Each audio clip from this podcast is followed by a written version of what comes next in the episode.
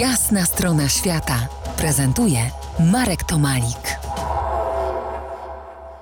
Rozmawiamy sobie o podróżowaniu, które jak wszystko dookoła też się zmienia. Niedawno nasłuchałem się zachwytów nad dziką Finlandią, która jest blisko, która do niedawna jeszcze była tak zwanym egzotycznym podróżnikom, była trywialna. Coraz więcej się mówi, czyta i pisze o Polsce, sam się do tego grona zaliczam. Powiedz mi, skąd te zmiany? Postpandemia czy coś więcej? Chodzi mi o to zainteresowanie tym, co jest bliżej, mimo wszystko tym, tym takim egzotycznym, co jest dalej, gdzieś tam za oceanem, czy za no, parę, parę godzin samolotem. Z moich tych właśnie mm, obserwacji wynikałoby raczej, że zainteresowanie Polską jest raczej postpandemiczne, tak mi się w każdym razie wydaje, ale też nie stwierdziłem go w dużym stopniu. E, natomiast zainteresowanie krajami typu Finlandia, nie wiem, Szwecja, Norwegia jako destynacjami turystycznymi bierze się z tego, e, że one dostarczają właśnie dystynkcji. Bo już w Egipcie był każdy, bo już tam w Maroku też wielu było. No więc punkty w wyścigu o dobra symboliczne, o szlachectwo zyskuje się nietypowymi destynacjami.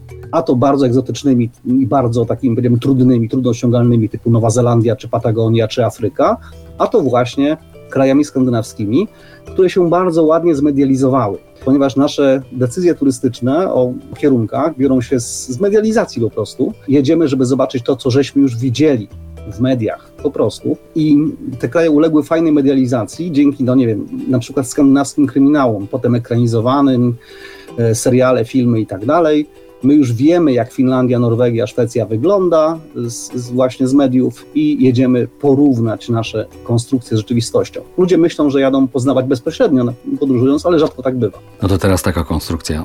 Antropolog Bronisław Malinowski na wyspach Trio Branda zabawił 5 lat, a i tak mu się zarzuca, że za słabo poznał miejscową kulturę.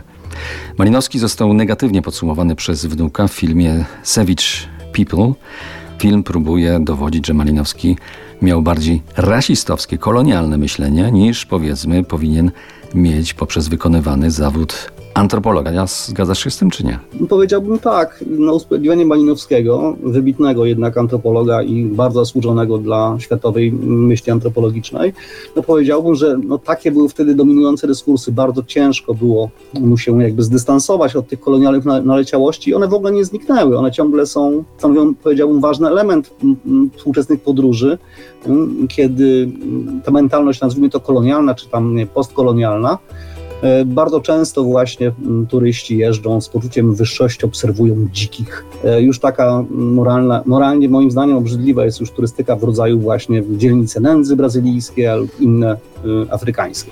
Więc ten, kolonialne myślenie, to wyższościowe, że biały człowiek jedzie i ogląda dzikusów, tak wcale nie zniknęło. Jest, powiedziałbym, w dużym stopniu, tak jak u Majnowskiego, nieświadome. Malinowski no, był też dzieckiem swoich czasów. Do tej, wydaje mi się, bardzo ciekawej rozmowy o różnych aspektach podróżowania, o różnych wymiarach w ogóle podróżowania. Wrócimy za kilkanaście minut. Zostańcie proszę z nami. To jest jasna strona świata w RMF Classic.